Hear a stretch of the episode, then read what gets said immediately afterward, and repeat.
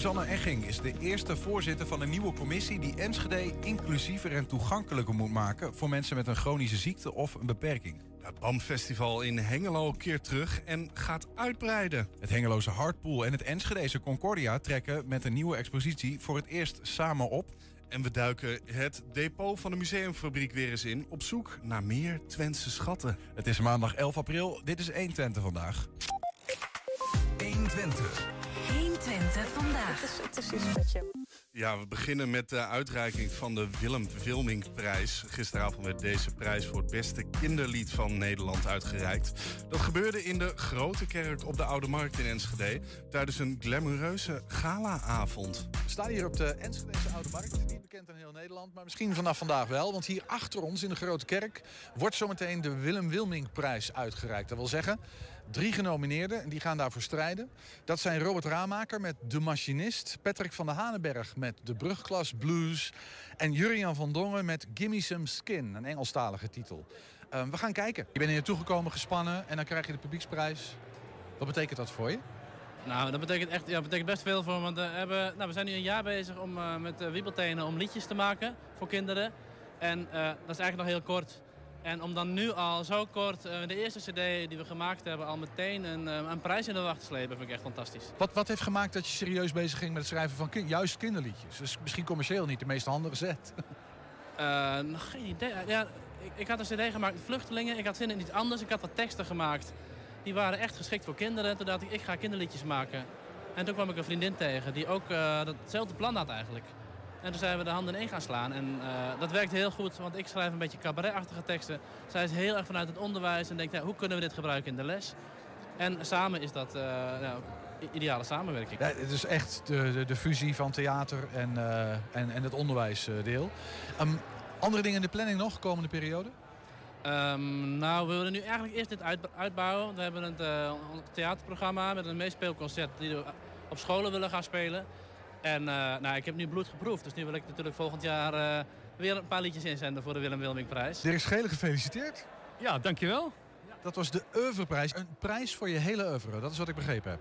Ja, dat klopt. En ik, ik voel me echt heel vereerd. Ik, eh, ik was ontroerd toen ik het voor het eerst hoorde. En toen kreeg ik de prijs. Toen was ik weer echt dat ik even dacht van... eh, Je was echt ontroerd. ja, ik vind het heel bijzonder. Zo'n zo'n vakprijs die echt uitgereikt is eh, door, door mensen die erover nagedacht hebben en naar geluisterd hebben. En eh, ja, Beschouw jij jezelf dan ook echt als een, als een kinderliedjeschrijver? Of eh, je, je bent meer dan dat, of niet? Ja, ik ben begonnen als eh, rockgitarist en speelde in allerlei rockbandjes. En daar heb ik ook een cd mee gemaakt, daar had ik veel mee op. En op een gegeven moment ben ik muziek, muziektherapeut geworden. Eh, werkte ik met kinderen met een beperking. En ik vond de bestaande kinderliedjes kon ik niet zoveel mee. Dus ik ben op een gegeven moment begonnen... Ik onderbreek je even, waarom kon je daar niet zoveel mee? Ja, in die tijd met die kinderen dacht ik, ja, het, het, gaat niet over hun beleefwereld. Dus ik maakte liedjes over je voeten, tanden poetsen, de kleuren, de dagen van de week. En dat pikte ze heel erg op. Gewoon korte, simpele liedjes over de brandweer. En eh, ja, dat sloeg heel erg aan. Dus dat waren mijn eerste liedjes die ik schreef. En dat is op een gegeven moment zijn eigen weg gegaan. hey, pak hem er even bij als je wil, want dit is hem. hey, en jij zei, ja, het, het heeft me ook wel even een beetje ontroerd. Eh, erkenning, is dat het een beetje? Toch wel, ja. Want je, je maakt het natuurlijk voor kinderen. En volwassenen die zeggen altijd van... ik vind het zo leuk voor mijn kinderen. En wat fijn dat ik het ook leuk vind. En dat we ermee naar Zuid-Frankrijk heen en weer kunnen. Van harte gefeliciteerd. Ja, ik kijk jou even aan. Eh, ja, dankjewel. Maar ik heb het natuurlijk samen gedaan met Jan en Kees Groenteman. Die hebben de compositie gemaakt. En Rob en nog twee andere mensen. Jesse Mensa en Maarten Heijmans, die zingen het, ja. Maar de tekst is van jou. Misschien even de rolverdeling. Hou dat maar gelijk helder. Eh, het begint bij Klokhuis, waar ik voor werk. Die vragen dan om een liedje. In dit geval bij het onderwerp huid. Dus dan heb ik een liedje gemaakt voor de cowboys. Dat zijn vaste figuren in het Klokhuis. En die zingen dus een countryliedje. En voor een countryliedje moet, moet je meestal bij Jan en Kees Groenteman eh, zijn. Dat kunnen zij gewoon heel goed. Dus dan heb ik eerst de hele tekst gemaakt. En daarna gezegd, nou het moet ongeveer zo'n tempo hebben. En dit is ongeveer de indeling. En dan maken zij de muziek erbij. Vorig jaar was jij er ook bij. Ja, volgens mij doe je heel wat jaren mee, of niet? Eh, ja, dat is, dat is het leuke. Ik werk voor Klokhuis, dus wij maken gewoon veel liedjes per jaar. En omdat we die goed kunnen maken met de dingen, ja, met componisten en zangers met wie we graag willen werken, eh, worden ze ja, tot mijn grote plezier heel vaak uitgekozen voor de Willem Wilming nominaties. Dus dan kom ik, ja, dan kom ik gewoon weer op. Dit is de eerste keer dat je hem wint dan, klopt dat? De juryprijs is de eerste keer, ja. Dus ik ben heel erg blij, eerlijk gezegd, ja. Ja, bij de uitreiking van die Wilmingprijs in de Grote Kerk zal het waarschijnlijk geen groot probleem zijn geweest. Want ik heb begrepen, het is allemaal gelijkvloers. Zelfs nog even nagekeken. Ehm, maar dat is niet altijd zo. Toegankelijkheid is wel een ding. Enschede wil toegankelijker worden voor mensen met een eh, chronische ziekte of een beperking. En om te controleren of er van dat uitgangspunt ook echt iets terechtkomt, is er zelfs een echte toegankelijkheidscommissie in het leven geroepen. En de eerste voorzitter van die commissie zit bij mij aan tafel. Dat is Suzanne Egging. Suzanne, leuk dat je er bent. Welkom. Hallo, dank je. Ja, dankjewel voor de uitnodiging. Ook. Je zit hier zelf ook, zie ik, in een, uh, in een, in een rolstoel. Dus je bent ook ervaringsdeskundige als het gaat om ja, toegankelijkheid. Zeker. Ja, zeker. En niet, niet op alle gebieden. Nee. Uh, maar ik heb zelf een, uh, een windweefselaandoening. Daarvoor ben ik grotendeels rolstoelafhankelijk geworden. ik kan nog wel stukjes lopen. maar niet voor de lange termijn. En ja, dus ik, dat heeft me er ook een beetje uh, in eerste instantie toe gestimuleerd om ambassadeur te worden voor het VN-verdrag Handicap. Dat ben ik sinds vorig jaar april. Uh, en dan ben ik eigenlijk in, met ongeveer, nou, ik denk dat het 475 ambassadeurs zijn nu in heel Nederland. Met mm -hmm. de Coalitie voor Inclusie zetten wij ons in voor mensen met een chronische ziekte en of beperking. Daar valt ook uh, neurodivergentie tussen uh, onder en, en bijvoorbeeld ook niet aangeboren hersenletsel. Ja. Dus het gaat niet alleen maar om fysieke toegankelijkheid of uh, hoe noem je dat ook weer, visuele of auditieve toegankelijkheid, maar ook voor bijvoorbeeld taaltoegankelijkheid of uh, prikkelarme uh, toegankelijkheid. En, en, dan heb je het even over, want jij bent dus ook uh, VN-ambassadeur voor ja. op dat vlak. Eén van de, ja. Mm, Eén van de 400 nog wat, zoals je dat zei, in heel Nederland. Ja. Maar je bent nu ook voorzitter van een Enschedeze toegankelijkheidscommissie. Inderdaad. En, en dan, daar pak ik eigenlijk het, het best of both worlds mee. Uh, want uh, Enschede heeft inderdaad nog wat ontwikkelpunten omtrent om toegankelijkheid. Ja, het is nodig. Uh, ja, ja ik, ik, ik vind van wel. Samen met mij nog heel veel andere. Als je dat zo zegt, voor mij komt het overal zo van heel erg nodig. Ja, ja, ik denk dat mensen het heel erg onderschatten. Ik denk dat mensen heel erg onderschatten hoe groot de groep eigenlijk is waar we het hier over hebben. Uh, in Enschede, als je de statistieken bekijkt, één op de vier mensen heeft een chronische ziekte in Nederland. Uh, en ongeveer 1 op de 7 mensen in Nederland heeft een uh, beperking en of een chronische ziekte. Mm. En dan dermate dat ze afhankelijk zijn van aanpassingen. Uh, dus of iets toegankelijk is, ja of nee. van hulpmiddelen of ondersteunende diensten of services. Dus 1 op 4 plus 1 op 7. Dan kom je misschien wel op 1 op 3 of zo. Ik ja, we niet. zitten in, in Enschede zitten we dan ongeveer pakweg op 40.000 Enschede'ers. 40.000 van de 170.000 die dus um, ergens waar, waar, soms gemakkelijker gemaakt moet worden... en die tegen toegankelijkheidsproblemen kunnen aanlopen. Ja. Nou, kun je voorbeelden noemen van uh, misschien wel heel specifiek in Enschede... van dingen die nou, beter zouden kunnen? Oeh, hou je vast? Nee. Uh, ja, nou ja, sowieso uh, toegankelijke toiletten. Dat, dat, dat vind ik wel echt een ding. Als je kijkt tijdens kantooruren... door de week kan je nogal openbare locaties vinden... waar je een, een toegankelijk toilet kan vinden mits je in staat bent om, om jezelf uh, uh, schoon te maken, zeg maar. Want ook als je bijvoorbeeld cerebrale parese hebt... En, en je kan je motorische functie niet volledig gebruiken... dan is het heel prettig als je bijvoorbeeld een Japanse wc-bril zou hebben... die je daarmee kan helpen. Nou, uh, spuit die van de onderkant een Ja, met, met, een bidet inderdaad. Ja, ja. ja, ja, dat kan gewoon niet anders. Of, of verschoontafels voor volwassenen. Ja. Ehm, ja, en die, en die zijn er eigenlijk heel weinig tot niet in Enschede. Nou, laat staan als je een keer lekker wil gaan stappen. Ja, dan heb je daar al een probleem mee. Maar dan heb je ook een probleem met de rolstoeltaxi. Want die moet je zo ver van tevoren boeken. En die zijn, is zo inflexibel qua, qua boekbaarheid. Dat je, uh, nou ja, of je moet minimaal een uur wachten... of ja. je kan hem helemaal niet meer boeken. En, en dan heb je het... Ja, er zijn zoveel dingen. Uh, het gaat van, van, van winkels die zoveel troep in de gangpaden hebben staan... dat je er niet eens doorheen kan. Uh, zelfscankassa's. Ik was vandaag nog... Ik weet niet of ik het mag... Bij een winkel. en ik wilde daar afrekenen. En dan had je een heel mooi zo'n scanner... waar je inderdaad je eigen producten kon scannen. Maar vervolgens, om te kunnen betalen, moet je een touchscreen doen. En ja, ik kan dat zien, gelukkig. Omdat mijn ogen wel goed functioneren. Maar ik kon er niet bij want het was te hoog. En, en dat heb ik nu al bij twee winkels in Enschede uh, uh, ja, meegemaakt. Dat ik dan alsnog hulp moet roepen om, om gewoon mijn spulletjes af te kunnen rekenen. Ja. Terwijl ik denk van ja, waarom, waarom kan dat niet gewoon één of twee balies iets lager? Dat ook kleinere mensen daarbij kunnen. Dan zou het opgelost zijn. Dan zou het inderdaad. Nou, ik, zit ook te- ik, ik, ik hoor wat je zegt. Ja. En ik, ik, ik, ik denk ook van ja, ik snap dat ook dat het een probleem is. En Ja. tegelijkertijd denk ik, ik snap ook dat het soms zo is. Want het, het, is zo ingewikkeld om met iedereen rekening te houden. Eh, nou ja, dat, dat, dat kan je zeggen. Eh, het wordt ingewikkeld gemaakt. Ik denk op het moment dat ontwerpers vanaf A tot en met het Z in het hele proces met ervaringsdeskundigen in gesprek gaan en blijven, dat de oplossingen zo enorm simpel zijn, eh, dat, dat het eigenlijk, wat jij zegt, het is oningewikkeld. Het hoeft helemaal niet ingewikkeld Dat je het toegankelijk maakt voor mensen die, het, eh, die even dat lagere, eh, die de lagere drempel nodig hebben. En dat het nog steeds voor mensen die die lage drempel niet nodig hebben ook toegankelijk is. Je moet eigenlijk uitgaan vanuit de zwakste schakel. Om het even zo te zeggen. Als je het daarvoor toegankelijk hebt, dan kan iedereen er gebruik van maken. En wat ik al zeg, het is nu niet alleen voor mensen met een chronische ziekte of een beperking. Maar we hebben in Nederland ook te maken met vergrijzing.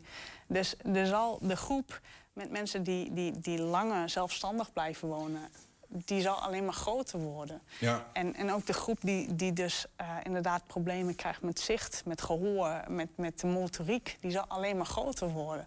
Dus ja, het is nu nog ingewikkeld, maar dat komt omdat onze hele samenleving daar niet op ingesteld is. Nou ja, ik, ik, ik zit ook te denken, het is gewoon ergens in het begin der tijden eh, wat dat betreft misgegaan. Eh, Toen hadden we jullie eh, moeten, moeten hebben. Ja, Eigenlijk nu is het een beetje vechten tegen de bierkaart, toch? Nou ja, dat vechten, ehm, ja en nee.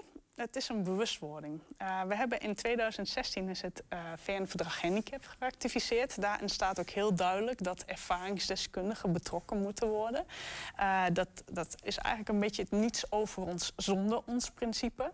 Dus dat je echt ook inspraak krijgt en dat je inderdaad vanaf het begin betrokken blijft.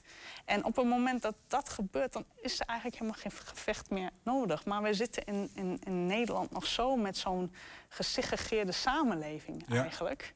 Ja. Waarin mensen zo in gescheiden leven, werelden leven. Dat jij denkt dat het heel ingewikkeld is, omdat jij. Zo, althans, dat zeg je. Eh, maar, maar daarmee vul je het ook een beetje in. Nee, zeker. Dus daarom ben ik ook blij om, om over je, eh, van je te Ja. horen. Over je, nou ja, welke, tegen welke dingen je aanloopt. Ja. Ehm, en zometeen ook wel benieuwd naar wat dan die toegankelijkheidscommissie in Enschede precies gaat doen Ja, om de wereld te verbeteren. Oh, een hele wereld, dat wordt wel een hele Enschede. Beginnen klein. Maar, maar even vo- voordat ik dat ga, ga vragen. ehm, wat, wat doet het met die 1 op 4, 1 op 7... met mensen die een chronische ziekte of een beperking hebben... eh, als ze tegen deze letterlijke muren aanlopen soms? dat je er niet bij, dat je niet welkom bent. Dat je er niet bij hoort. Dat je constant over, overzien wordt. Het is, het is wel eens van. ehm, ook als je naar de media kijkt. We hebben nu een, een hele. hele eh, we hebben de, de Black Lives Matter eh, representatiegesprekken gehad. Dat is nog steeds heel erg gaande met diversiteit en inclusiviteit. Ook vanuit de LHBTI community. Ehm, als je eens heel objectief kijkt naar bijvoorbeeld de media, eh, hoe vaak zie je daar iemand die een beperking heeft? Die niet wordt uitgenodigd vanwege de beperking, maar gewoon om hetgeen wat die persoon doet. En, en d- die representatie is nog zo nihil dat je dan eigenlijk denkt van ja, Maar zeg jij dan dat er media zijn die zeggen van... nou, we hebben poppetje A of poppetje B die om hierover te praten... dus verkiezen maar die ene die niet in een rolstoel zit. ik denk het wel, ja, heel veel wel, ja. Dan is, de, dan is er zeker wat te winnen Ja, in dat, nou ja, opzicht. Maar dat, dat, gaat, dat gaat uiteindelijk nou misschien ook wel over wat, wat jullie als eh, toegankelijkheidscommissie willen doen. Ja, het, Maar- is, het is ook een beetje het stigma waar je tegenaan bokst. Hè? Eh, want want ik, heb, ik heb serieus echt wel eens mensen te horen die tegen mij gezegd hebben... dat ik er best intelligent uitzie voor iemand in een rolstoel. Nou, en, en ik kan daar... Ik, Dat is ook niet representatief, toch? Nee maar, dan, nee, maar dat soort dingen, je komt het heel vaak tegen. Van, van mensen die een bepaald idee hebben, die het heel eng vinden... of die niet weten hoe ze met iemand met een beperking om moeten gaan. Omdat het vanaf het onderwijs al gescheiden wordt. En we zijn ook maar gewoon mensen. Net, Ja. net zoals jij, net zoals ik. I- iedereen iedereen heeft wel iets. En ik zeg altijd, ik heb een beperking, maar ik ben niet beperkt. En, en jij hebt waarschijnlijk ook een beperking die ik niet zie of Ik die ik niet weet. gevonden. maar, eh, Oh. Nee, gekkigheid, tuurlijk. ja, Nee, nee, maar het is- helemaal met je eens. En, en, en dat is ook een beetje waar we dus met de, de, de ehm, ja, met die toegankelijkheidscommissie, waar we ook op landelijk niveau mee bezig zijn, van wees daar bewust van dat we ook gewoon mensen zijn en dat we ook gewoon teg- vertegenwoordigd Ja. kunnen worden, mogen worden, om, omwille van het mens zijn. Nou ja, ik, ik, ik vraag ook aan je van, wat, wat doet het met mensen? Omdat ik begrijp uit een artikel, dat is al van drie jaar geleden... eh, bij onze collega's van RTV Oost... Oké. dat jij eh, daar eh, naar voren kwam gezegd hebt... ik ben vijf jaar lang mijn huis niet uit geweest. Ja, heeft dat ook met die ontoegankelijkheid van de wereld te maken? onder andere. Het, het- er zit een stukje bij jezelf. Dat moet ik ook heel eerlijk toegeven. Ehm, kijk, op een Als in dat je psychisch... Nou ja, het, het is een. Het is, ik om, heb mijn eigen. eh, ehm, ja, hoe zeg ik het? Want ik kan natuurlijk alleen vanuit mijn eigen ervaring spreken. Ik spreek je niet voor iedereen, maar ik, ik zie mijn ziekteproces of hoe, mijn acceptatieproces een beetje als een rouwproces. Je, hebt een, je bent een jonge meid, je hebt nog heel veel dromen, wensen, eh, eh, ideeën. je hebt een, een, een, knap kopie qua hersens en je wil nog heel veel veranderen in de dit. wereld. En dan krijg je een diagnose waarin je te horen krijgt van... nou ja, binnen dan en dan en dat, dat staat je allemaal te wachten. Ja, en dan stort je hele wereld in. Wat is dat bij jou een... ehm, hoe noemen ze het weer? Een progressieve ja, ziekte? het is een progressieve ziekte Het, het inderdaad. wordt niet beter, Nee. in ieder geval. Nee, het, het, het gaat achteruit. Menselijk gezien, ja. Ja, en ehm, ja, dat, dat, is, dat is heel heftig. En dan moet je ook een heel groot deel van jezelf loslaten. Je moet een, een deel van jezelf min of meer begraven. Want je, je, je, je, je kan niet meer de persoon zijn die je was. Want dat gaat je lichaam niet leuk vinden of je hoofd gaat dat niet leuk vinden. Dus je moet jezelf helemaal opnieuw uitvinden en helemaal opnieuw eh, eh, eh, leren accepteren. Zou dat beter zijn geweest op het moment dat jij in een wereld, in een Enschede, laat ik het dichtbij houden, leeft, waar de drempels letterlijk lager zijn, waarin... Ja, ik, ik zeg wel eens wat, ma, ma- nou ja, wat ik wil zeggen. Ik heb daar heel veel moeite mee gehad. En de reden ook waarom is omdat ik het heel moeilijk vond ook om hulp te vragen. Maar ook omdat wij leven in een samenleving waar het nog steeds als normaal wordt gezien. Dat we spreken in de termen van valide mensen, minder valide mensen, invalide mensen. En ik was eerst een valide mens in, in, in, de, in de ogen van velen. En toen werd ik een patiënt. En toen werd het wat minder, minder valide. En toen werd ik invalide. Dat, die termen, daar ben ik ook, dat, dat kan gewoon ook echt niet meer. Het is ook echt wel heel ernstig. Maar het feit dat. Ja, dat invalide is best wel cruel eigenlijk. Hè? het, het is ontzettend validistisch. Ja. Het kan gewoon echt niet. Je Of zegt, het niet goed is. je zegt tegen iemand van nou, ik ben van alles waard en jij bent minder waard Mm. en jij bent zelfs helemaal niks waard. Mhm.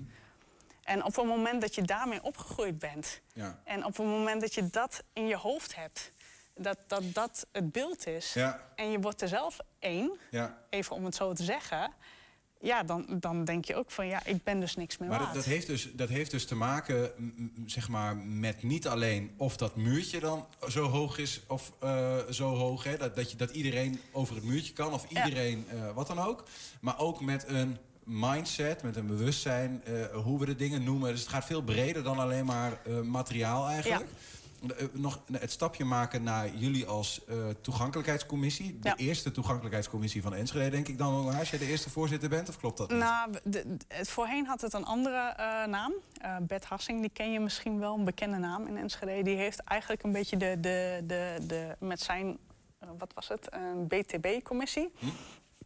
Heeft hij eigenlijk het fundament gelegd waar wij op voort mogen bouwen. Ja. Wat doen jullie als eh, toegankelijkheidscommissie dan precies? Nou, wat wij gaan doen is eh, bewustwording. Ten eerste, eh, zowel op fysiek als, als, als, als sociaal, als op alle gebieden eigenlijk van toega- toegankelijkheid. Ja. Ehm, dan gaan wij ook schouwen. Dus dat we rondgangen gaan doen. En dan ook echt met ervaringsdeskundigen dat we eh, rond gaan rijden, rond gaan kijken met beleidsmakers, met, met omgevingsontwerpers en dergelijke. Om te kijken van wat werkt wel, wat werkt niet. En we gaan bouwplannen bekijken, omgevingsvisies bekijken. eh, Is er wel rekening gehouden met? Inderdaad, een soort, het, wordt, het wordt een soort van ehm, ja, een commissie die betrokken is van A tot Z. En dan ook bij inderdaad de, de, het ontwerp, de uitvoering, eh, de toepassing. eh, hoe het uiteindelijk geworden is, de, de toetsing. of, of het nakijken en, en, en het bijstellen ervan. Uh, en ook de evaluatie ervan. Van hey, wat ging hier nou wel goed, wat ging hier nou niet goed en wat is de feedback die we krijgen vanuit andere mensen. Hoeveel autoriteit hebben jullie daarin? Ja, dat, dat ligt er echt aan. Uh, moet blijken. ja, dat ja, je kunt van alles zeggen, maar als het op een gegeven moment wordt gezegd, want dat is natuurlijk denk ik wel regelmatig ook de afweging. Eh, afweging. Ja. Um, hoe hard het ook is, alle aanpassingen kosten geld. Ja. Dat wel, maar aan de ene kant, het is een mensenrecht. En uh, ja, dan kan je zeggen, uh, wat dat betreft, um, kun je zeggen, ja, het kost heel veel geld. Maar als ik zeg van, nou, het kost geld om stemhokjes te bouwen. Uh, we gaan geen stemhokjes meer bouwen, want het kost ons geld. Ja, dan, dan, gaat iedereen ook op de barricade. Dus waarom, waarom zouden wij dan ook niet mogen... Er staat in dat VN-verdrag handicap staan heel duidelijk mensenrechten omschreven. Het is ook een mensenrechtenverdrag. Wie gaan die mensenrechten bewaken? Wie zitten er in die toegankelijkheidscommissie? Ja, die moet nog samengesteld die worden. Die moet nog samengesteld worden, ja, dus zeker. je zoekt mensen? Ik zoek mensen, ja. Nou, wie, wie kan zich melden? Iedereen.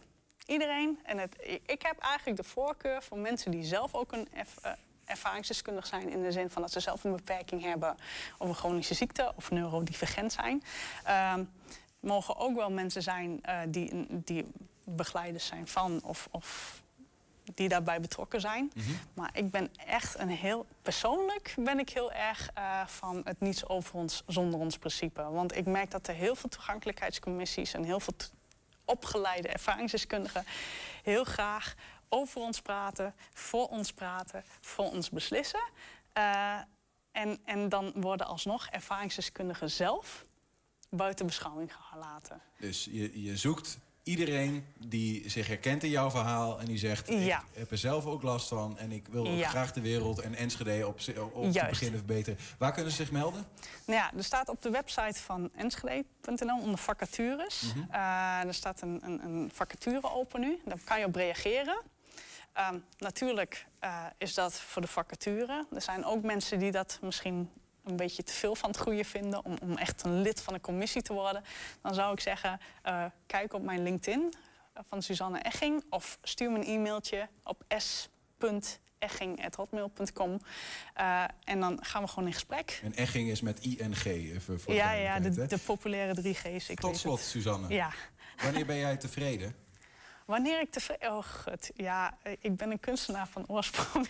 dus het is nooit af. Nee, het is, het is, een, het, het is een, een, een proces van een hele lange adem. Ik heb drie jaar de tijd gekregen vanuit de gemeente... om, om een verschil te kunnen maken. Ja, het blijft een ontwikkeling. Het moet gewoon beter. Het, eh, En met gaan- elke stap die er wordt gezet, inderdaad, is elke er stap. iets tevredener Suzanne Egging. Nou, het is niet alleen mij. Ik denk 40.000 inwoners van Enschede.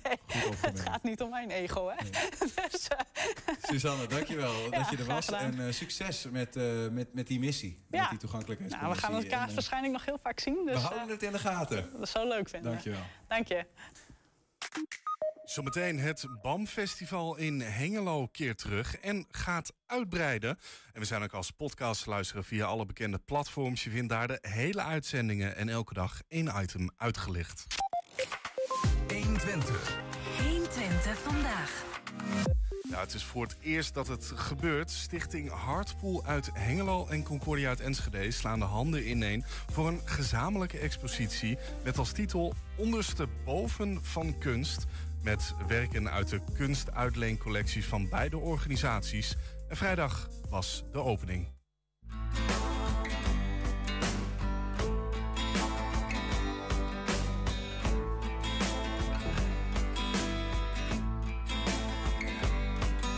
Deze expositie die is toch wel echt gemaakt omdat we in contact kwamen met Concordia. We waren eh, daar al in gesprek mee, omdat wij Concordia wel als een, eh, een goede partner zagen zitten om in Hengelo een kunstzaal eh, te begeleiden, te organiseren, onder hun hoede te nemen, zoals ze ook in Enschede dat goed doen. Vergelijk het even metropool met Hengelo Enschede. Nou, het kan ook omgekeerd als in Hengelo een goede organisatie zit ten aanzien van kunst en de promotie van kunst en tentoonstellingen en dergelijke van... ja, waarom zouden die dat hier niet doen? En dat was voor ons eigenlijk wel een beetje de aanleiding van... nou, we, spreken toch met elkaar. We hebben allebei een uitleencollectie. Nou, laten we dat als een start nemen om te gaan kijken... van wat er eh, tussen de beide steden mogelijk is. En dat is ja, de directe aanleiding om dit te gaan doen.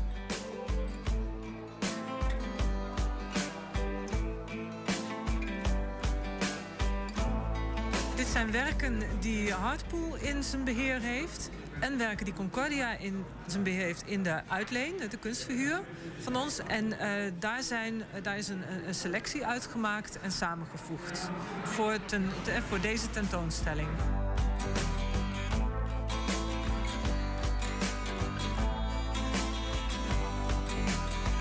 Wel, dit soort kleinschalige initiatieven zijn sowieso hartstikke belangrijk voor een, een levendig klimaat in een stad. Um, en ik hoop dat we uh, ook over stads- en dorpsgrenzen heen in heel Twente dit soort dingen kunnen uh, meemaken. Dat hoeft echt niet alleen maar dat Concordia dat doet, maar ik, nogmaals, ik vind het, het, het samenwerken belangrijk. En dan maken we op die manier met z'n allen een, uh, een levendig, bloeiend regionaal klimaat.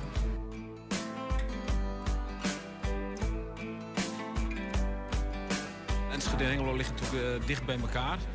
Uh, ik heb ook de laatste jaren veel contact gehad met mijn Enschedese collega... om te kijken of we samen dingen kunnen uh, oppakken. Nou dit is met Hardpool en Concordia is natuurlijk een unieke tentoonstelling. zeker op deze plek. de begane grond van het voormalige VND-pand aan de markt. Ja, we zijn ook als gemeente bezig om te kijken of we hier misschien een permanente kunstzaal kunnen vestigen. Uh, de gemeenteraad moet daar uiteindelijk een uitspraak over doen. En dan is de vraag van hoe zetten ze dit op? Hoe groot wordt die kunstzaal? Wie gaat die beheren? En dan staan wij... Kijk, wij zijn eigenlijk mensen die aan de zijlijn staan. Wij vinden kunst mooi. Wij doen daar dingen voor. Wij organiseren dingen daarvoor. Maar voor de rest willen wij eigenlijk erbuiten blijven. Wij, wij zijn liefhebbers van kunst. En wij zijn, dit organiseren we ja, omdat we toevallig wat mensen in ons midden hebben... die dat ook leuk vinden. Ik vind samenwerken altijd belangrijk, omdat je samen meer voor elkaar krijgt dan in je eentje. door, door te verbinden, door je samen voor dingen in te zetten, door elkaar te inspireren. Uh, je kunt altijd met elkaar en, en, vanuit openheid van elkaar leren. Uh, dat geeft altijd meerwaarde. Zolang je dat samen in, in, in wederzijds respect doet, en daar moet, moet elke partner ook wat aan hebben. En als dat op die manier kan, dan is het altijd beter dan alleen opereren. Ja. De expositie Ondersteboven van Kunst is tot en met 24 april te zien in het voormalig V&D-pand aan de markt in Hengelo van woensdag tot en met zondag van 12 tot 5. Ja, straks duiken we het depot van de museumfabriek weer eens in op zoek naar meer Twentse schatten. 120. 120 vandaag. Het Hengeloze BAM Festival bestaat al sinds 2008 en al die jaren werd er aan de formule niet al te veel gesleuteld. Veel muziek, nodige theater en speelsvermaak voor de allerjongsten. En dat recept trok de laatste jaren 15.000 of meer mensen naar het Prins Bernhard plantsoen. Op de laatste of de ene laatste zaterdag van mei gebeurde dat dan. De afgelopen twee jaar gooide corona roet in het bier, maar op zaterdag 28 mei gaan ze weer knallen in Hengelo. Sterker nog, al op vrijdag 27 mei barst BAM los. Dus eigenlijk BAM BAM. Eh, en het BAM Festival wordt twee dagen. Aan de tafel is uh, programmeur Luc Smit. Luc, welkom. Dank, dank. Uh, ik heb begrepen, ik ben een Enschedeer. Vergeef me daarvoor. Ja, dat bij deze. Um, dat in Hengelo het woord BAM al genoeg zegt. Dat daar het woord festival niet meer achter hoeft. Ja, je hebt het dan niet gelijk over een bouwgroep of zo. Het gaat dan echt wel uh, of over, een over het festival. Ja, ja. ja. Nou ja, dat klopt. Ja. Dat is, uh, het is, uh, werd mij net een vraag gesteld hoeveel edities zijn er. En ik moet zeggen dat door twee edities niet het aantal niet meer goed in mijn hoofd zit. Uh, maar het is, het is al, volgens mij zou dit nu de 15e of 16e editie zijn. Ja. Um, en het is eigenlijk, nou ja, wat je noemde, al gegroeid naar een festival voor meer dan 15.000 bezoekers. mits goed weer, uiteraard. Op een ah. prachtige plek trouwens. Op een prachtige uh, plek. Prins Bernhard ja. met die vijver in het midden. Zeker, ja, dat is eigenlijk ook wel een beetje wat BAM. Ja, een soort, kijk, uniek. Er zijn meer festivals natuurlijk op een mooie plek. Hè, daar gaat het niet om. Maar het is wel wat BAM in de grootte van BAM. En dat het gratis toegankelijk is. Dan is het wel een redelijk uniek zo op zo'n mooie plek. Ja. ja. Je bent nog eh, best een jonge vent, hè? Eh, weet je iets vanaf het nou, begin? bedriegt hoor. Nee. Is dat zo? Maar weet je iets 29, van het... dat is nou, ja, mag nog jong genoemd worden. Hè? Ja. Was jij bij de totstandkoming van het festival betrokken in 2008? Nee, nee, nee, want ik weet nog dat ik uh, vroeger, uh, en er was Snowy White speelde uh, bij BAM, en dat mijn vader, en dat zat ik dus echt nog op school, zei van Luc, je gaat aan de hand mee naar BAM, want daar speelt Snowy White. Dus toen was ik nog een jong broekie. Ja, ja. Dus, hoe, hoe komt het ooit, hoe is het tot leven gekomen? Weet je dat? ja, ik kan, ik kan de kot, want ik, ik was er niet bij. Dus ik weet wel natuurlijk een beetje. Kijk, uiteindelijk is er uh, een, een groep eigenlijk. Nou ja, het is altijd door een, een jong groep volk uh, neergezet. En eigenlijk gewoon bij een gebrek aan, zeg maar. Dus er was niet echt een festival, er was niet echt een, een plek in Hengelo. eh, eh, eh, wat deze dingen met elkaar verbond. Dus theater, eh, muziek, cabaret, eh, kindertheater. eh, hè? Dat het gewoon mooi verpakt. Nou, en het eh, Prins Bernhard Plazon zelf was een park Mhm. waar eigenlijk eh, niks gebeurde. Het stond ook bekend met een naam die ik hier maar niet zou noemen, zeg maar. Maar het was een, een park die liever niet eh, bezocht werd. En slechts zo'n kleine groep wel, zeg maar. Ehm, en eigenlijk met de groei van het festival is ook het park weer gegroeid, zeg maar. Dus je ziet dat het, eh, er een soort van sociale controle komt, omdat mensen denken, hé, hey, wat een mooi park is dit. Dus het heeft naast een mooie muziekfunctie ook nog een andere functie gehad. Ja, ik kan me bijna niet voorstellen En- dat dat inderdaad een vergeten park was. Eh, de- Nee, nou ja. nee, ja, dat Ja. was het. Dus het is eigenlijk een soort, eh, ja, een soort, eh, nou ja, een heel tof project van destijds eh, middelbare scholieren. Mhm.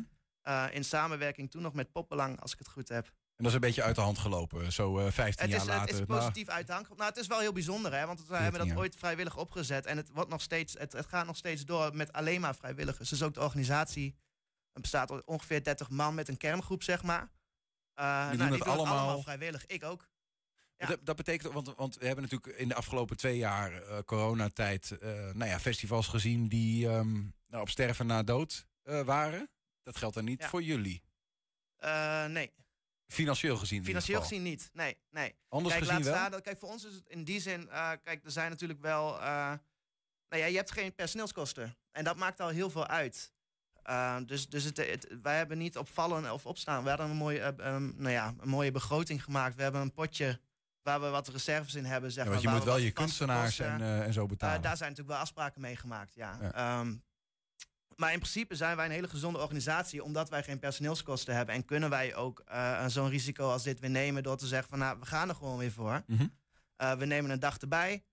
En het is een mooie reden als je twee jaar niks hebt gedaan, om dan te zeggen van nou, dan gaan we nu ook meer doen. Ja, ja, is dat ook die tweede dag, waar we het zo meteen nog even over gaan hebben. Maar is dat ook de reden dat jullie zeggen, dit wordt ehm, de beste editie eh, sinds jaren? Of is dat meer omdat er Nee, gewoon jarenlang geen editie omdat was? er gewoon jarenlang Ja, geen ja. editie was. Ja, ja, nee, dat is, eh, ja, nee, dat is, een, dat is gewoon een leuk, eh, Ja. een flauw, een flauw grapje. Die, extra, die, extra, leuk blijven. die extra avond, hè, die vrijdag eh, die, die erbij komt. Ja.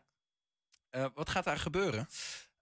Wat gaat er gebeuren? We hebben daar een tributeavond van gemaakt. Eh, op BAM zelf, op het BAM Festival zelf, is, hebben wij de codewoord geen coverbands en geen tributebands. Dat doen we niet.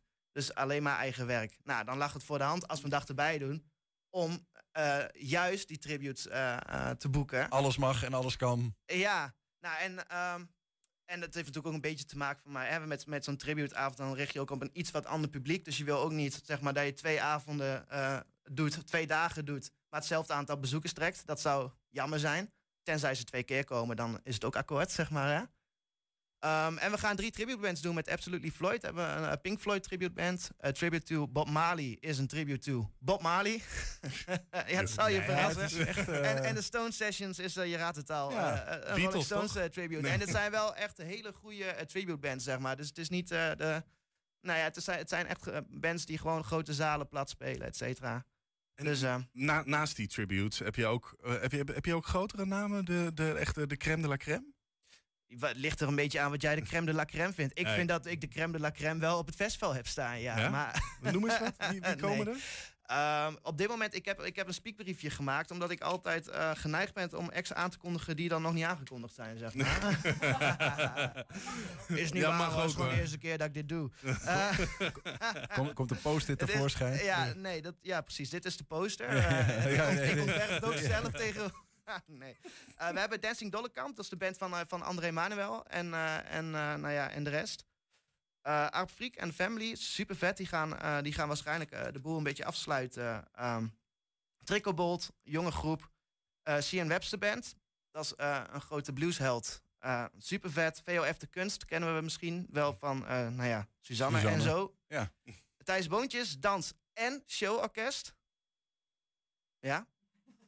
Nou, dat is, Ik dat ben zijn naam, maar ik wil het wel benadrukken, want het staat specifiek ook zo in de naam natuurlijk. Eh, Oostblok hebben we al bevestigd. Oostblok is een, eh, een groep, eh, eigenlijk een groep tukkers. Een hele hoop blazers, een hele hoop plezier. En die, die hebben ook onder andere al Ziket gedaan, et cetera. Dus het, het is een hele leuke, nou ja, Twents, Twents dingetje. En dan hebben we... Mooi in deze tijd van, van de wereld. Oostblok. Ja, daar Ja, ga ik ik maar niet. op in. en dan hebben we ook nog Primaat. Dat zijn eh, de acht acts die we op dit moment bevestigd hebben. Ik moet wel eh, verkondigen, er komen er een stuk of veertig. Dus het is, het Ja, komt ja. nog veel meer aan. En die komen op die zaterdag. En op de vrijdag zien we eh, de precies. tribute bands. Juist, ja, Precies. dank voor de verduidelijking. Ja. Nee, maar dat is dat Beide gezegd. dagen zijn wel gratis. Toch nog? Ehm, zeker. eh, en de tribute is vanaf 7 uur. En eh, de zaterdag is eh, vanaf 12 uur. Veel voor weinig dus. Voor niks zelfs. En is dat, Zeker, is- maar het is wel de bedoeling dat je er nog een klein beetje bij drinkt, zeg maar. Maar die Ja, verplichting heb je niet. Ja, ja, ja. Met goede muziek krijg je dat eigenlijk bijna automatisch wel. eh, dat je een le- lekker drankje erbij pakt. Ja, ja. En is dit ook voor Enschede'ers? Uiteraard. Oh, ja, ja. Ja, ja. Nou, de bezoekers komen overal wel van weg hoor. Het is, het is natuurlijk wel eh, wat je zegt. Het is in Hengelo een begrip. En in Enschede kom je er toch wel vaak achter. Bam, ja, ken ik niet. En dat is niet erg. Maar het is wel zonde. Want het is, het is echt een super tof festival. Het is gratis te bezoeken. Ik, eh, ik fiets eh, regelmatig tussen Hengelo en Enschede. Is goed te doen. Wanneer Dus, moeten we er eh, zijn? Prins Bernhard Planzoen? Nou ja, 27 mei vanaf 7 uur. En dan pak je een hotelletje of, of het station. En, en dan zaterdag vanaf 12 uur moet je er zijn. Gaat dat zien. Luc Smit, dankjewel. En Dank. succes met de voorbereidingen verder nog. Helemaal goed. Mocht je nog meer willen weten, bamfestival.nl geloof ik. Hè? Juist. Mooi. Kijk eens aan. Of kijk deze uitzending terug. Ja, kun je ook altijd doen. Op En op de website kun je het ook terugvinden. Ja, zometeen de tweede week van juni is de Week van Amateurkunst in Enschede. En zometeen hoor je wat daar gaat gebeuren. 120. 120 vandaag. We gaan eerst naar In Depot. Onze wekelijkse rubriek over schatten uit het depot van de Enschedeze Museumfabriek is namelijk terug in een nieuw jasje. Wat blijft is dat we wekelijks stilstaan bij een object uit de kelders van onze buurman, de museumfabriek hiernaast. Dat een opmerkelijk verhaal vertelt over de stad of over de regio. Nieuw is dat we dat verhaal in de studio wat verder uitdiepen. Met een gast of op een andere manier. Want van alle alleen historische feitjes wordt niemand wijzer. De vraag is, wat zeggen die dan over het nu? Vandaag in we hebben het maar genoemd, in depot uitgelegd. De grootste mammoetfonds van Nederland en het aanpassingsvermogen van dieren.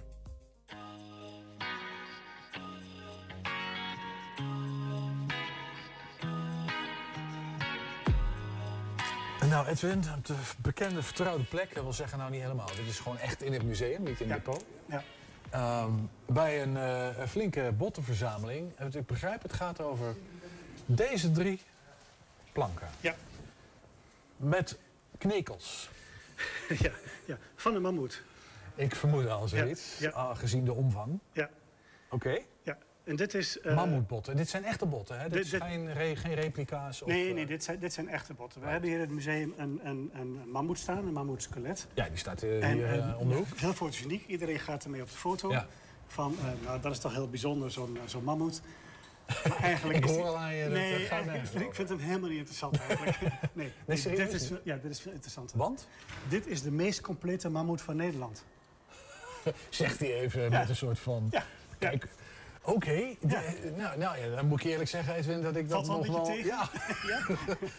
Dat, is, dat lijkt completer. Ja. Maar goed, wat Ja. jij bedoelt te zeggen is... Die mammoet die daar staat... Ja, die is opgevist in eh, allerlei stukken, samengesteld uit verschillende mammoeten.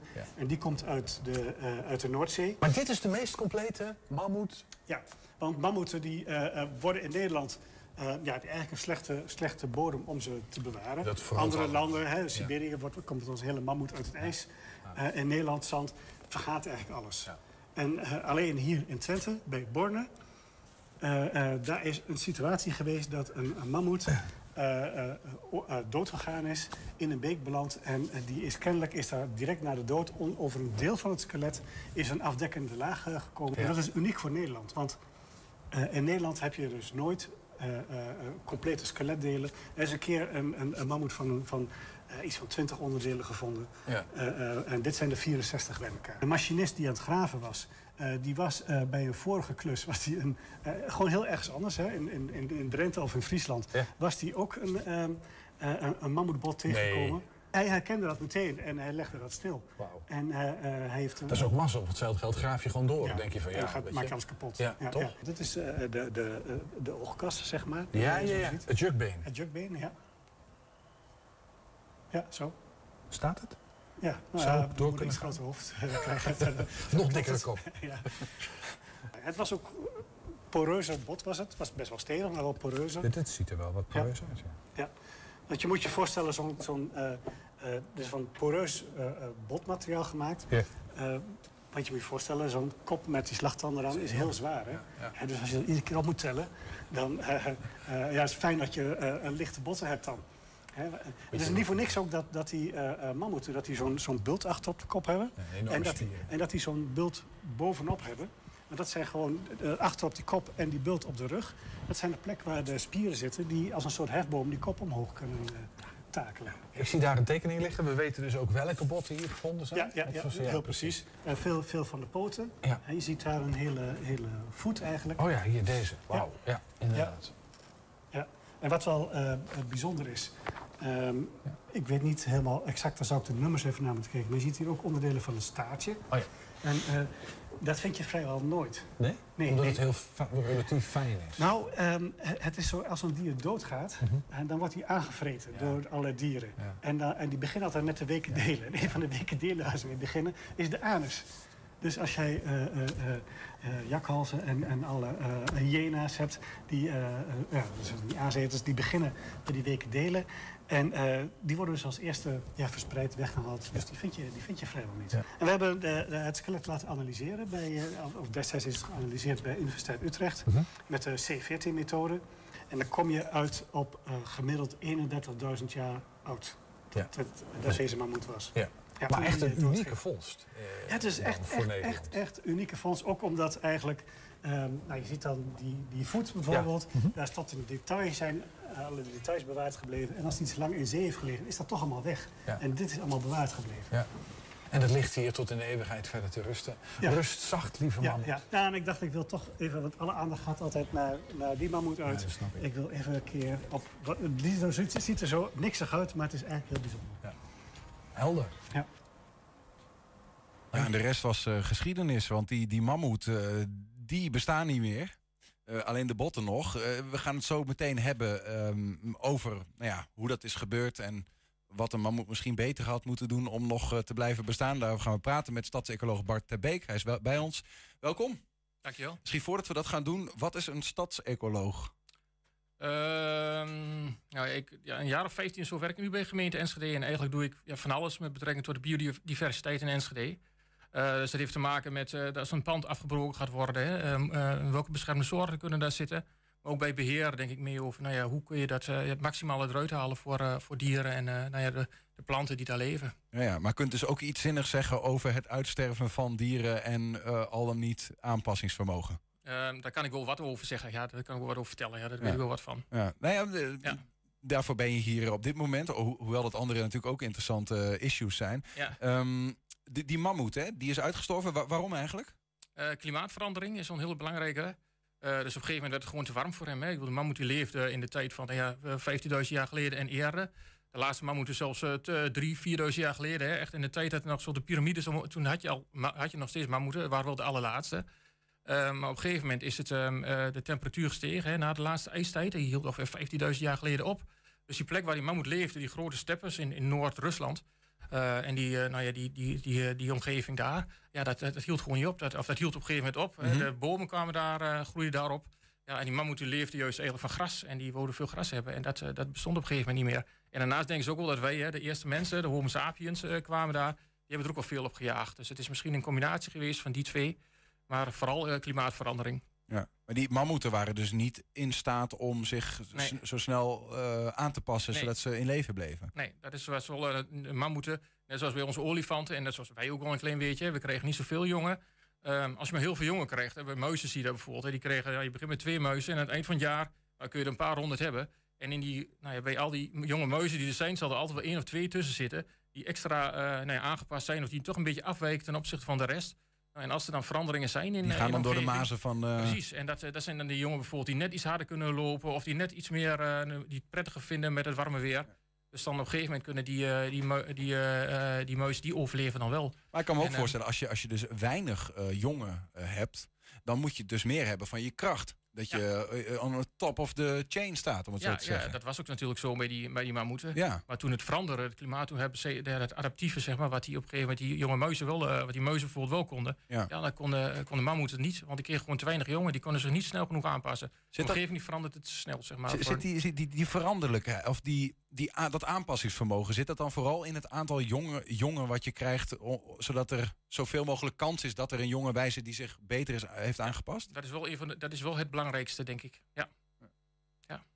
Hoe, hoe goed of hoe slecht in het algemeen zeg maar, zijn dan dieren? Ik weet niet hoeveel dieren in een aanpassingsvermogen. Is het ook hoe kleiner het dier wordt, hoe beter die daarin is? Want dit, dat gevoel heb ik altijd dat die meer jongen krijgen. Ja, maar. ja. Nou, dat is wat ik net eigenlijk al vertelde. Hè. Ik bedoel, hoe meer jongen je krijgt, dan is de kans ook gewoon veel groter dat je het gewoon ook daadwerkelijk overleeft. En dat je daadwerkelijk kunt, ja, dat je kunt de veranderingen aan kunt. Ja, ja, ja. Maar zijn er, zijn er, is er iets, iets te zeggen over dieren die daarin, ja, die dus meer jongen krijgen of minder jongen? Is er een soort van algemeen iets over te zeggen? Ja, dat is het eigenlijk wel, ja. Want uh, je, volgens, je ziet ook bij de merels als. Hè. Je hebt bosmerel of merel die echt in, in het bos, uh, bos leeft. Je ziet tegenwoordig ook merels in de stad. Uh, en en die, die verschillen langzamerhand van elkaar. Je ziet dat merels in het bos wat kleiner, wat kleiner zijn, in de stad wat groter. En ze ook wat meer jongen krijgen. Want over het algemeen krijgen ja, die merels die hebben dan ook last van katten bijvoorbeeld. Dus ze moeten gewoon, er is wel heel veel voedsel. Maar uh, ja, die jongen die daar, daar moeten ze ook meer jongen zien te krijgen. En daardoor ja, zie je langzamerhand er gewoon twee verschillen eigenlijk ontstaan. De bosmerel en de stadsmerel. Ja. Sorry, die stadsmerel heeft dan meer jongen? Ja, de stadsmerel die krijgt dan meer jongen, ja. Maar die heeft dan toch juist meer moeite om voedsel te vinden, ook voor de jongen? Of nee. niet? Of juist nee, niet in de nee. stad? In de stad is er, juist, is er altijd heel veel voedsel. Hè? Ik bedoel, kijk Ja. maar eens op je eigen voeden Ja, precies. zeg maar. Ja. Dus dat is eigenlijk het hele jaar door is er gewoon heel veel voedsel daar. Ja, ja. Je hebt ook wat, wat dieren meegenomen om eh, nou ja, eh, een voorbeeld te geven van aanpassingsvermogen. Eh, Het zijn eh, vogels die hier voor je staan. Ja, dit is We, een, we hebben daar een camera, die, die, die Ja. kan dat dan mooi... eh, Ja, je ziet, een, je ziet de huis, eh, huismus. Eh, en eigenlijk in de tijd van, nou ja, waar we het net al over hadden, hè, over die, eh, over die Boris, de, de, ehm, de mammoet. Eh, leeft, die, leeft die huismus daar ook een beetje rond, eh, rond die mammoeten. En in, in, nou ja, zwierf ze een beetje rond over de hele wereld. Mhm. Het was toen nog niet echt een huismus. Het was gewoon een ander type mus, was het eigenlijk. Ehm, en op een gegeven moment zijn die mammoeten zijn uitgestorven. En wij, onze voorouders, de homo sa- sapiens, zeg maar, die zijn zich op een gegeven moment echt in, in nederzettingen gaan vestigen. En toen dacht die huismus op een gegeven moment van... hé, hey, dit vind ik wel een prettige plek om te wonen. Dus is een aantal van die huismussen is bij ons gaan wonen. Tussen ons in. En die, gaan, ja, die, die, die at van de zaden van ons die wij over hadden. Maar ook van nou andere, andere leftovers. Ehm, en eh, die, eh, en die, eh, die mus die toen op die steppen leefde en die dat niet heeft gedaan... dat is gewoon een apart soort eh, gebleven. En langzaam zijn die twee uit elkaar gegroeid. Dus eigenlijk in, ja, zeg maar in 10.000 jaar eh, tijd is er gewoon een nieuwe soort ontstaan. En dat is gewoon dat is onze ja, eigen huismus. En die hebben we later kennen. de huismus genoemd, omdat En die hij bij ons in huis zit. Die Ja. hebben we later de huismus eh, genoemd. En die, is, eh, die gedraagt zich ook totaal anders dan eh, die, die mus op de steppen. Voorbeeld, hoe, hoe gedraagt hij zich anders? Nou, de huismus, het woord zegt al, het is echt een, een mus die zich echt alleen maar rondom huis eh, aanwezig is. Hij gaat ook nooit weg. Hij Hij is trekt- afhankelijk van ons. eh, 100% afhankelijk van Ja, ons. ja. En eh, ja, hij heeft een range van 250 meter. Terwijl die mus die toen op die steppen leefde, zeg maar, ja, die trok weg. Als het koud werd, ging die naar de andere kant van, eh, van het land, wat en wel wat warm was en dat soort zaken. Ja. Je hebt nog meer vogels bij je. Nog zo'n eh, zo'n voorbeeld? Ja, nou ja, ik heb, eh, dit is een, een bonte vliegenvanger. Het is niet het allermooiste exemplaar, eh, ehm, maar ehm, ja, dat is eh, een eh, zwart-wit vogeltje. Binnenkort komt hij terug uit, eh, uit Afrika. Ehm, en dat is ook een eh, soort die, het, eh, die zich langzaam ook aan, aan het aanpassen is. En het, eh, het leuke daarvan is eigenlijk dat ze eh, een tijdje geleden bang waren... dat hij zo, misschien zou uitsterven of dat veel minder goed meer zou gaan. Want eh, de bonte vliegenvanger die, eh, eh, die heeft in eerste instantie heel veel last van die klimaatverandering rondom, ons, rondom ons heen. Want eh, eh, hij is heel erg afhankelijk van de, van de rupsenpiek. Hij krijgt op een gegeven moment krijgt hij jongen. Ehm, en dat moet eigenlijk op het moment zijn dat die rupsen net uit een, uit een eitje komen. Nou, en als dat gelijktijdig valt met, die, met, met de eieren zeg maar, die hij gelegd Dan heeft de overleeft jongen, hij het. Dan overleeft hij het en dan zijn er gewoon heel veel van. En dat is gewoon ideaal natuurlijk op dat moment. Alleen op een gegeven moment, die rupsenpiek is van begin juni naar half mei gegaan of naar begin mei. Eh, omdat het gewoon veel eerder warm werd in Nederland. En die bonte vliegvanger die kwam dus terug uit Afrika. En die had zoiets van, hé, wat gebeurt er nu? Eh, al die, eh, die, die, rupsen, is al, die rupsen zijn al over een piek heen. Ehm, dus ehm, toen dachten ze van, ja... Ja, dat was kan- niet meer in Nee, sync. dat is niet precies. En dat kan wel eens het einde zijn van de bonte vliegenvanger. Want die kan zijn jongen niet meer groorbrengen. Maar toch, de laatste twintig jaar zie je dat op een gegeven moment... die, die bonte vliegenvanger zich langzaam weer naar, die, naar dat moment heeft... hij is toch iets eerder teruggekomen, steeds eerder teruggekomen. Het, de, de, de- hij legt iets eerder eh, eh, eieren, waardoor hij nu eigenlijk weer op, precies op het punt staat... waarbij eh, nou ja, dat die jongen... In 20 jaar tijd. In 20 jaar tijd. En, en dat is gewoon de voordeel nu, nu is hij in één keer veel eerder klaar met broeden. Dus hij is zeg maar half juni of zo klaar, of, of begin juni. En dan kan hij nog een tweede nest maken. Dus dan zie je eigenlijk dat er in één keer dat hij weer voordelen haalt uit die, uh, uit die klimaatverandering die er e-, eerst ja. instantie is. Dat is wel een opmerkelijk verhaal. Terwijl ze er twintig jaar geleden echt best wel bang voor waren. Van, ja, dit kan wel het einde betekenen van onze... Van onze uh... Nou ja, en ook opmerkt dat het dan in 20 jaar tijd... eigenlijk dat het aanpassingsvermogen van deze ja. vogel supersnel is. Hè? Ja, Want we hebben het altijd over miljarden jaren... terwijl dus in 20 jaar tijd kan deze een paar maandjes eerder... Uh, weet hij dat hij moet terugkomen. Precies, ja, ja, dat is echt in 20 jaar tijd is dat uh, gebeurd. Dat heeft hij heel bijzonder gedaan, ja. We, we hebben nog, nog mogelijkheid voor één, één zo'n voorbeeld. Ja, nee, we kunnen wel even eentje erbij pakken. dan laten we die Turkse tortel even voor wat hij is. Um, dat is de, de gierzwaluw. Um, nou ja, een soort die eigenlijk uh, nooit in Nederland uh, heeft geleefd. Vroeger en, en zo niet, want het is echt 100% afhankelijk ook weer van ons, maar dan van een stenige omgeving. Dus hij zit ook achter de boeien van je woning, of hij zit nou ja, bij kerken en daar aan de overkant hier in de museumfabriek hebben ze nu net, nestkastjes opgehangen. Dus hij doet het daarin ontzettend goed. Maar toen er nog geen stenen, stenen waren hier, zeg maar duizend jaar geleden of iets dergelijks, nog geen stenen gebouwen waren, ja, toen zag je hem eigenlijk helemaal niet. Um, ja, hij kwam hier wel eens, want hij vliegt duizend kilometer om een maaltje te, te scharrelen. Wat dat betreft een heel uniek exemplaar. Hij komt ook nooit op de, uh, nooit op de grond. Alleen om te broeden. Hij slaapt in de lucht. Uh, hij doet alles in de lucht. Um, en hij kan dan hier wel eens langs. Je zag ze wel eens uh, in, de, in de middeleeuwen wel voorbij vliegen waarschijnlijk. Maar ja, echt broeden deden ze, deden ze gewoon hier niet. En dit is ook eentje die zich echt heeft aangepast aan ons en onze stenige omgeving. Dus er wordt ook wel vaak wat gezegd over ja, dat er heel veel soorten, dat het langzaam steeds slechter mee gaat. En het is ook wel zo. Maar en, enkele soorten hebben ook wel wat aan ons te danken, zeg maar. Want ja, als wij, als er geen steden zouden zijn, dan zouden deze soorten zouden hier niet, uh, niet uh, voorkomen. Nog één laatste vraag. Ja. Want je hebt vogels meegenomen. Ik begreep ook dat um, vogels in een bosrijk gebied anders zingen dan vogels in de stad, omdat het hier drukker is. Klopt. Ja, we hadden net al over, over die merels, zeg maar. En uh, je ziet bij merels dat ze op een gegeven moment wat hoger beginnen te, te, zingen in de stad. Op boven die geluiden uit te komen. Harder en wat, uh, wat hoger, wat, wat scheller. En die zingen dan gewoon anders dan in de, in de stad. Ja. Dus je ziet echt gewoon dat er daar langzaam, misschien over een paar honderd jaar, gewoon twee verschillende soorten zijn ontstaan. Echt die bosmerel en die stadsmerel. Dan hebben wij hier in de stad allemaal van die, van, die, van die vogels die zo hoog zingen dat we allemaal zo zitten van. Dat, nou ja, dat is wel meer van. Maar dat hebben we dan zelf gedaan, hè? Dat hebben we zelf gedaan, ja, ja, ja. ja. ja. Bart de Beek, dank je wel voor je uitleg. Interessant, man. Ja, ja. dank je. Alsjeblieft. Ja, heb je een tip voor de redactie? Mail het dan naar info.120.nl 120. 120 vandaag.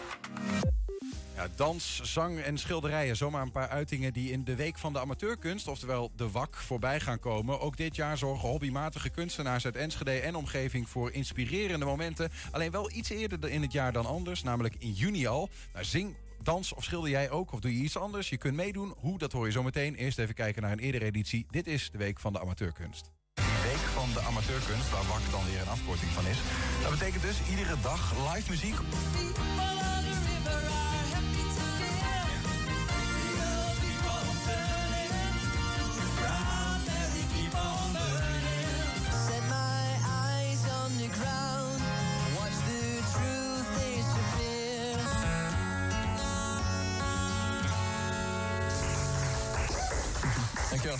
Beetje zenuwachtig of valt mee? Ja, het is wel op de radio, dus ik ben wel een beetje zenuwachtig. Ja, je legt de lat gelijk wel even hoog. Kijken ja, of dat ook lukt. Ik probeer de bezieling echt uh, erin te leggen. Oh, eigenwijs type. Dank je. ja, is een compliment.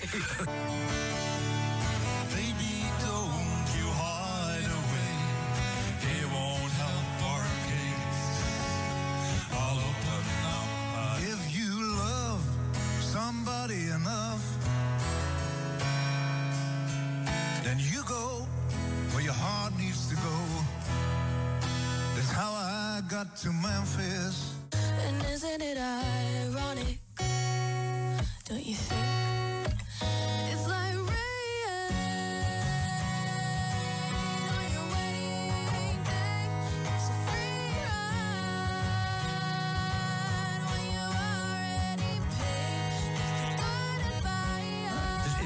Ik heb geen bladmuziek, het is ook altijd anders. Ah, we gaan er zelf een verhaal bij scheppen uh, in ons Heel mooi? Ja,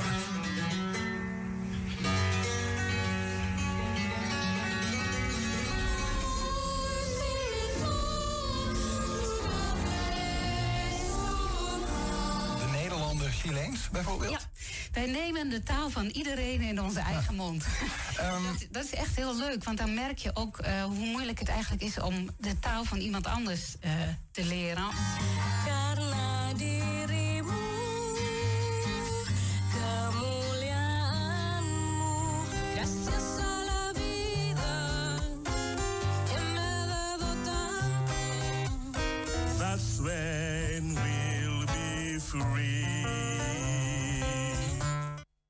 Zo kan dat er dus uitzien. Um, hoe dat er dit jaar uit gaat zien, gaan we vragen aan de initiator van dit uh, Week van Amateurkunst Festival. Jacinta Blom, welkom. Dankjewel. Um, in een notendop, Week van Amateurkunst, wat is het precies? Het is een uh, week van en voor Enschede'ers die creatief bezig zijn en de mensen die daarvan willen genieten. Zonder kwaliteitsoogmerk? Nou, we gaan ervan uit dat iedereen zijn eigen kwaliteit heeft. uh, maar um, iedereen die, uh, die iets wil laten zien, ja, die is welkom bij ons. Het is inderdaad geen, uh, um, niet een drempel waar je overheen moet van je moet een bepaald niveau hebben. Nee. nee. Deze, um, dit jaar is het anders dan anders in die zin dat het in de, meer in de zomer is in plaats van in het najaar. Nou, we zijn eigenlijk weer terug bij af. Oké. Okay. We zaten altijd in, in eind mei, begin juni. Maar ja, door corona ging er even een paar keer, ging, liep het allemaal een beetje anders. En toen bleek het net wel in het najaar te kunnen. Maar we gaan nu met heel veel plezier weer terug uh, ja, naar, uh, naar het moment waarop het eigenlijk altijd was. Maakt dat het iets anders, het festival? Zeker. Ja, want er kunnen dingen buiten. Dat is heel fijn. Uh, we kunnen samenwerken met, met festivals die dan plaatsvinden. ja, mooi weer is toch altijd, zijn de mensen toch wat vrolijker. Heb je voorbeelden van dat soort samenwerkingen? kunst in het Volkspark is een heel belangrijk evenement om mee samen te werken. Um, dat is voor ons de laatste dag van de WAK. En um, dat is natuurlijk een heel groot evenement waar heel veel mensen op afkomen. Maar dat draait om beeldende kunst en kunstenaars die daar in een kraampje hun, uh, hun, uh, ja, hun kunst laten zien. Mm -hmm. En wij krijgen daar twee kleine podia waar wij groepen neer mogen zetten. Dus dat is echt heel tof. Dat ja. we daar, uh, ja. Je zult nooit zo'n groot publiek bereiken, heel vaak als amateurkunstenaar. Nee, dus de, jullie bieden een podium voor de amateurkunstenaar. Ja. ja, misschien bijna een open deur, maar misschien is er ook wel een verrassend antwoord op. Waarom zou je eigenlijk, waar, waarom is het belangrijk? Waarom zou je meeddoen als amateurkunstenaar? Als je gewoon hey, lekker hobbymatig je ding. Je? Ja, je hebt gewoon je hobbymatig, je zingt samen in een koortje, prima. Nou, um, ja, eigenlijk zou ik bijna zeggen waarom niet. Maar um, ja, vaak doe je het toch niet alleen maar omdat ergens in de achterafkamer, achter, achterafkamertje, ik begin ervan te stotteren. Mm -hmm. um, om dat daar te doen. Je vindt het leuk om het te laten zien daar waar je ja, constant mee aan, de, mee aan het oefenen bent. Of waar je aan het repeteren bent. Waar je aan het voorbereiden bent. Ja. Ja, dat, de meeste mensen vinden het leuk om dat op een podium te laten zien. Wat levert het op voor, voor kunstenaars die meedoen? Wat zie je in de afgelopen jaren? Um, nieuwe inspiratie, nieuwe samenwerkingen. Uh, soms ook nieuwe leden. Um, maar ook juist heel vaak een nieuw publiek. Want wij uh, proberen uh, ze wel te stimuleren om eens een keer wat anders te doen dan wat ze normaal doen. Scharen is bij kunst in het Volkspark staan. Je hebt niet de ideale omstandigheden, want je hebt niet een perfect podium, je hebt niet perfect licht en geluid. Maar je hebt nog nooit zoveel nieuw publiek gehad. Dus het kan juist even zijn van, ga, ja, probeer eens nou wat ja, anders. Dat is het natuurlijk wel met amateurkunst. Hè. Dat dan vaak hè, komen papa en mama kijken en opa en oma, zeg maar. Hè, of uh, de vriend, vriendin. Ja. Maar da da daar eindigt het dan soms. Hier heb je natuurlijk wel een heel nieuw, uh, nieuw publiek. Precies, en dat is de mooie uitdaging. Want dat is inderdaad wat je zegt, uh, heel vaak toch een uitdaging om ander publiek te trekken. Dus wij zeggen, ga nou eens gewoon ergens staan waar het publiek is. Ga naar het publiek toe. Ja. En merk dan wat dat met je doet. Meer locaties, kunst in het Volkspark hoor ik je zeggen. Wat, Ja. wat noemen ze een, uh, een aantal locaties? Um, Want het is niet alleen beeldende kunst, hè? We nee, zeggen nee, ook zang, dans. Ja, uh, eigenlijk alle disciplines die je kan bedenken. Um, nou, we, we mogen de grote kerk gebruiken op de Oude Markt. Uh, die is al vol. Daar gaan ja, dat, het gaat hard. Uh, we uh, mogen uh, groepen neerzetten bij Broodje Cultuur. Dat is een onderdeel van Concordia. Uh, daar zijn optredens. Um, nou ja, mogen dingen plaatsvinden in de, bibliotheek bijvoorbeeld. Bij Prismare krijgen we de zaal op de doordeweekse dagen. Daar, daar is nog plek. Uh, nou ja, en dus hier. We gaan weer iedere dag of iedere werkdag een programma maken van een uur waar ook groepen kunnen optreden. Ook daar, dat begint, de, er zijn al een mooi aantal aanmeldingen, maar ook daar is nog uh, plek. Dus mensen die dit uh, horen, die kunnen zich nog uh, aanmelden. Gezellig met een camera op je hasses. Precies, Ja. dat is altijd leuk voor iedereen. um, uh, nou ja, we hebben bijvoorbeeld ook een samenwerking met het Zomerfestival Twekkelenveld. Dat is echt meer, ja, even heel plat gezegd, een, een, een buurtevenement. Ook daar wordt vaak wel een podium neergezet. Dus ook groepen kunnen, kunnen daar optreden. Dan heb je Ja. weer een hele andere omgeving. Dus zo Kortom- heb je verschillende dingen inderdaad. Precies, heel veel, heel veel podia, maar dus ook heel veel plekken te vullen. En, en, en je bent nog op zoek. Er zijn nog plekken eh, Ja. voor amateurkunstenaars eh, om zich op te, te, te geven. Ja, nee, wat ik zei, het, het loopt hard. Sommige dingen zijn al helemaal vol, Ja. andere dingen zijn er nog. Dus mensen die wat willen, die moeten wel inderdaad snel zijn. In hoeverre, want eh, dat is altijd een beetje de vraag bij festivals, twee jaar online gedaan, sommige helemaal niet. Maar jullie hebben online ook dingen gedaan. Wat neem je mee van die online ervaringen? Nou, dat zetten we dus ook voor een deel voor, voort. Eh, eh, nou, zoals hier bijvoorbeeld met Ja. jullie, dat is natuurlijk deels online, of dat is eigenlijk helemaal online. Ehm, je merkt dat je daar ehm, ook weer andere mensen mee bereikt. Eh, dus het is vooral nu de combinatie. Het is het mooie weer dat we de dingen buiten kunnen doen. Het is de online dingen. Ehm, dus je hoopt eigenlijk zo ja, steeds meer mensen te bereiken. En wil je die dingen dan ook een beetje gaan mengen met elkaar? Zoals je hebt hier een livestream, er kan hier publiek in. Zou je dan ook publiek erbij willen hebben bij zo'n livestream Ja, opname? Ja, nee, leuk. Dat is nou het mooie eraan. Dan krijg je ook, denk ik, op beeld nog meer mee van de sfeer van wat zo'n optreden doet met mensen. Eh, dus dat je niet alleen maar dat op een beeld ziet, maar ook ja, de reacties van de mensen erbij ziet. Dat is ju- juist de mooie combinatie. Waar kunnen mensen zich melden die geïnteresseerd zijn en zeggen: Ik wil in. Nou ja, de grote kerk was vol, maar ik wil ergens op een podium eh, Ja. mijn, mijn kunst kwijt. Ehm, nou, we hebben de website. Dat is eh www.wakenschede.nl. Mhm. Eh, daar kunnen ze alle informatie vinden. Ehm, we hebben een aantal coördinatoren voor de verschillende onderdelen. Eh, die hebben ook allemaal een eigen mailadres. Maar als je mailt naar info dan komt het sowieso wel goed. Dan verwijzen we het wel door naar de juiste coördinator. Dan komt dat goed. Waar kijk je zelf het meest naar uit? Ehm, dat gewoon weer alles kan. In de hoop dat het ook zo blijft. Maar dat, dat we gewoon weer Ah. een leuk festival neer kunnen zetten zoals eerdere jaren. Daar gaan we vanuit. En het Ja. gaat los op wanneer? Eh, we beginnen 4 juni en duurt tot en met 12 juni. Kijk, 4 Ja. tot 12 juni. Maar aanmelden kan tot 1 mei. Toch? Ja, tuurlijk. nee, aanmelden kan heel Aan- lang. Aanmelden voor eh, de optredens bij 120. Oh, goed. Oké, eh, tot 1 zijn mei. tot 1 mei. Ja, tot, bij 120 wil je daar optreden, kan tot 1 mei. Ja. En anders dan eh, m- ga het even opzoeken, wakenschede.nl. Jacinta Yes. Blom, dankjewel. Ja, nou dank jullie wel. En tot zover 120 vandaag. Terugkijken, dat kan direct via 120.nl. En vanavond om 8 en 10 ook op televisie te zien. Zometeen kun je hier op de radio gaan genieten van Henk Ketting... met het tweede deel van de kettingreactie. Veel plezier en tot morgen. 120.